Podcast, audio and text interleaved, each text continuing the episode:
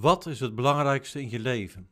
Dit is een preek over Matthäus 4, vers 4, Jezus' eerste verzoeking in de woestijn.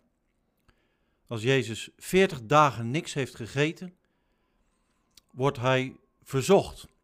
Verander toch die stenen in brood. Wat is nou precies de verzoeking waarin Jezus blootstaat en wat is de betekenis voor jou en mij? Ik lees eerst de tekst, Matthäus 4, vers 1 tot en met vers 4. Daarna volgt de preek. Daarna werd Jezus door de geest meegevoerd naar de woestijn om door de duivel op de proef gesteld te worden. Nadat hij veertig dagen en veertig nachten had gevast, had hij grote honger. Nu kwam de beproever naar hem toe en zei: Als u de zoon van God bent, beveel dan die stenen in broden te veranderen. Maar Jezus gaf hem ten antwoord: Er staat geschreven: De mens leeft niet van brood alleen, maar van ieder woord dat klinkt uit de mond van God. Tot zover het woord van God. Gemeente van de Heer, luisteraar, als het maar gezond is. Hoe vaak hoor je ouders dat niet zeggen als ze een kindje verwachten? Natuurlijk, het is spannend. Is het een meisje? Is het een jongetje? Hoe gaat zij of hij eruit zien? Maar gezondheid is het belangrijkste. De eerste proef voor Jezus in de woestijn gaat over de vraag wat het belangrijkste is. Wat is de basis van leven? In Jezus' tijd was dat brood. Voor veel mensen in de wereld is dat vandaag niet anders. Helaas. Maar voor de meeste westerse Nederlandse mensen, als jij en ik, klinkt de eerste proef misschien wat vreemd. Wij trekken een brood uit de vriezer of via bezorg.nl heb je binnen no time een maaltijd op tafel. Voor ons staat gezondheid bovenaan. In Jezus' tijd was elke dag eten op tafel hebben voor jezelf, je gezin, je familie een hele tour. Daarom verzoekt de duivel Jezus, als hij veertig dagen heeft gevast, op deze manier. Als jij Gods zoon bent, beveel dan die stenen in brood te veranderen. De duivel verzoekt Jezus. Hij wil hem van zijn levensdoel afhalen. Even een pas op de plaats. Achter de vraag naar het belangrijkste van het leven spelen drie dingen mee. Het is goed om daar oog voor te hebben. Zo zie je wat er in deze proef, deze verzoeking, op het spel staat. Het gaat met name om identiteit. Wie is Jezus? Dat God scheppend en levendmakend spreekt, is typisch voor God. Denk aan het begin van de Bijbel. God sprak en het was er, zegt ook Psalm 33. Daar hint de duivel op. Als jij Gods zoon bent, ja, dan maak jij uit stenen brood. Want in Gods zoon zijn toch alle dingen gemaakt? Dan kun je ook steen in brood veranderen. Laat zien wie je bent, Jezus. Gemeente, wat een bekoring is dit. Als de mensen al massaal op Johannes de Doper afkwamen, toen hij in de woestijn was, Matthäus 3, dan toch zeker op een Jezus die dit soort goddelijke dingen doet. Het tweede wat meekomt in de proef is dit. Dit is de weg tot verlossing. Jezus gaat de weg van gehoorzaamheid, Hebreeën 5. Hij zet de zonde en de zondeval recht. En dat zie je hierin. De proef grijpt duidelijk terug op Gods gebod in het paradijs. Je mag van alle bomen eten, maar niet van deze. En de proef grijpt ook terug op de woestijnreis van Gods volk, toen er niks te eten was.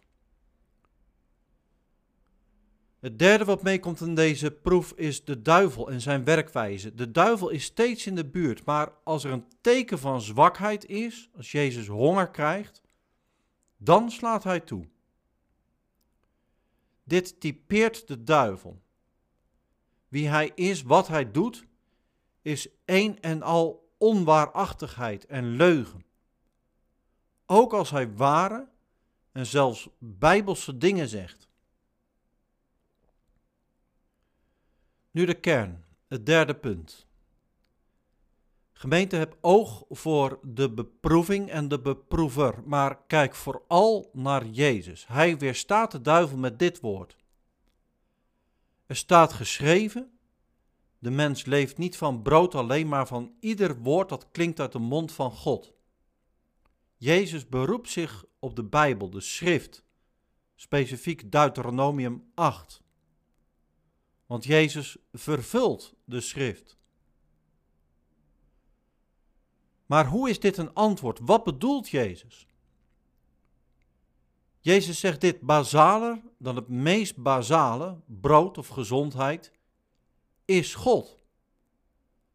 Want uit God, door God en tot God zijn alle dingen. Romeinen 11, vers 36. God spreekt, zo ontstaat leven. Genesis 1. God geeft leven. Ook als er geen brood is. Of als je ziek wordt. Door COVID of door iets anders. Zelfs als je sterft. Adam en Eva kwamen in de proef. Gods gebod of een aantrekkelijke zelfbedachte toekomst.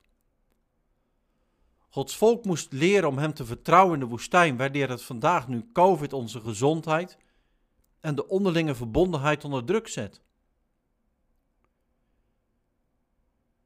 Jezus' antwoord wijst vooruit naar Gogolta. Ja, Jezus is Gods zoon. Dat klopt wat de duivel zegt. En ja, dat klopt ook. Hij laat dat ook zien door een broodwonder. Dat gebeurt verderop in Matthäus 14. Maar Jezus is en doet heel anders dan hoe de duivel hem probeert te laten zijn en handelen. Jezus handelt op zijn tijd en met zijn doel, niet om zichzelf in leven te houden, maar zodat de mensen in hem gaan geloven. Het ultieme bewijs, om het zo te zeggen, dat Jezus Gods zoon is, en dat gaat over die identiteit, dat komt op een ander moment en totaal ongedacht en onverwacht. Namelijk als Gods zoon aan het kruis hangt. Dan komen de mensen juist niet op hem af. Dan gelooft niemand meer in hem. Dan gaan mensen hem volop bespotten. Dan wordt het overdag donker. Dan draagt Jezus Gods oordeel over de zonde. Zie je? Jezus zegt: Een mens leeft van ieder woord dat uit Gods mond komt. In dat antwoord spreekt Jezus op een verborgen manier over zichzelf. Hij is Gods woord. In Hem is alles gemaakt. Johannes 1, Colossense 1. Als dat woord tot zwijgen wordt gebracht op Golgotha, spreekt God juist het meest duidelijk zijn recht en liefde uit. Liedboek 838. En zo zorgt Jezus voor eten en drinken. Niet door stenen in brood te veranderen, zoals de duivel dat wenste, maar door iets eindeloos groters te doen. Jezus verandert het graf, het zondegraf, in een kraamkamer van nieuw leven. Zo is Jezus zelf het brood dat eeuwig leven geeft. We vieren dat aan het heilige avondmaal. Wat Jezus zegt in de eerste proef is dit: je hebt mij nodig. Jezus wil dat je in hem gelooft. De duivelse verzoeking mislukt. Beter nog, die laat alleen maar scherper zien wie Jezus is en op wat voor wonderlijke manier hij redt. Tot slot, het vierde. Geef ons heden ons dagelijks brood.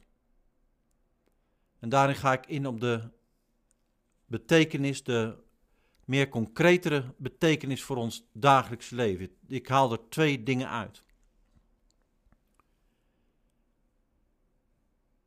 Wat betekent het nou dat Jezus zegt: Je leeft niet van brood alleen, maar van ieder woord dat van God komt? Ik wil het allereerst toepassen op de plek van geloof en religie in onze samenleving. Vandaag is geloof of spiritualiteit niet per se impopulair. Het verzet tegen geloof, zoals wij dat kenden in de jaren 50, 60 van onze maatschappij vorige eeuw, dat is weg. En op zich, dat is mooi. Als je maar niet denkt dat geloven een soort van extraatje is, zeg maar een bovenop op een al aardig leven. Of een interessante optie voor wie dat wil. En wanneer en hoe het jou uitkomt. De eerste proef zet je stil. Het laat zien waar het in het leven om gaat. Een mens kan niet zonder redder en Heer. Jezus opent je ogen voor Hem. Een mens moet verlost worden. Als Jezus leert bidden, geef ons heden ons dagelijks brood, Matthäus 6, het onze Vader, dan gaat het in de eerste plaats daarover, over het leven dat Hij geeft. De heilige doop laat het ook zien. God staat aan het begin van het leven. Van kleins af aan zegt God zijn schepper, zijn verlosser en gids te zijn en te willen zijn. De lofzang op Gods naam staat centraal. Wat ontzettend mooi als een gezin zo leeft, met God, met elkaar, in de gemeente, met de mensen om je heen. Bijzonder bij een bediening van het doop, dat een gezin zo naar voren komt. De tweede concrete betekenis is dit, omdat Jezus Heer is van heel het leven, gaat die eerste proef, die eerste verzoeking, wat de belangrijkste is, net zo goed over alles wat je nodig hebt. Denk aan die laatste mooie uitzending in Dordrecht over het kerstverhaal van Scrooge. Er werd gezegd aan het begin van die uitzending, alleen al in Dordrecht zijn er 352 gezinnen afhankelijk van de voedselbank. Nou, als wij dan zeggen, geef ons heden ons dagelijks brood, dan kunnen we natuurlijk niet om zo'n punt heen. Wat mooi dat we ook een uitdeelpunt van de voedselbank zijn. Het dank de Heer voor gemeenteleden die dat met toewijding en trouw doen. Maar ik denk ook aan een problematiek die heel helder wordt in coronatijd. De problematiek van eenzaamheid. Of dat mensen praktische of financiële hulp nodig hebben. wat heeft een mens nodig? Nou, een mens leeft niet van geld alleen of van een verwarming alleen, maar je hebt ook contact nodig.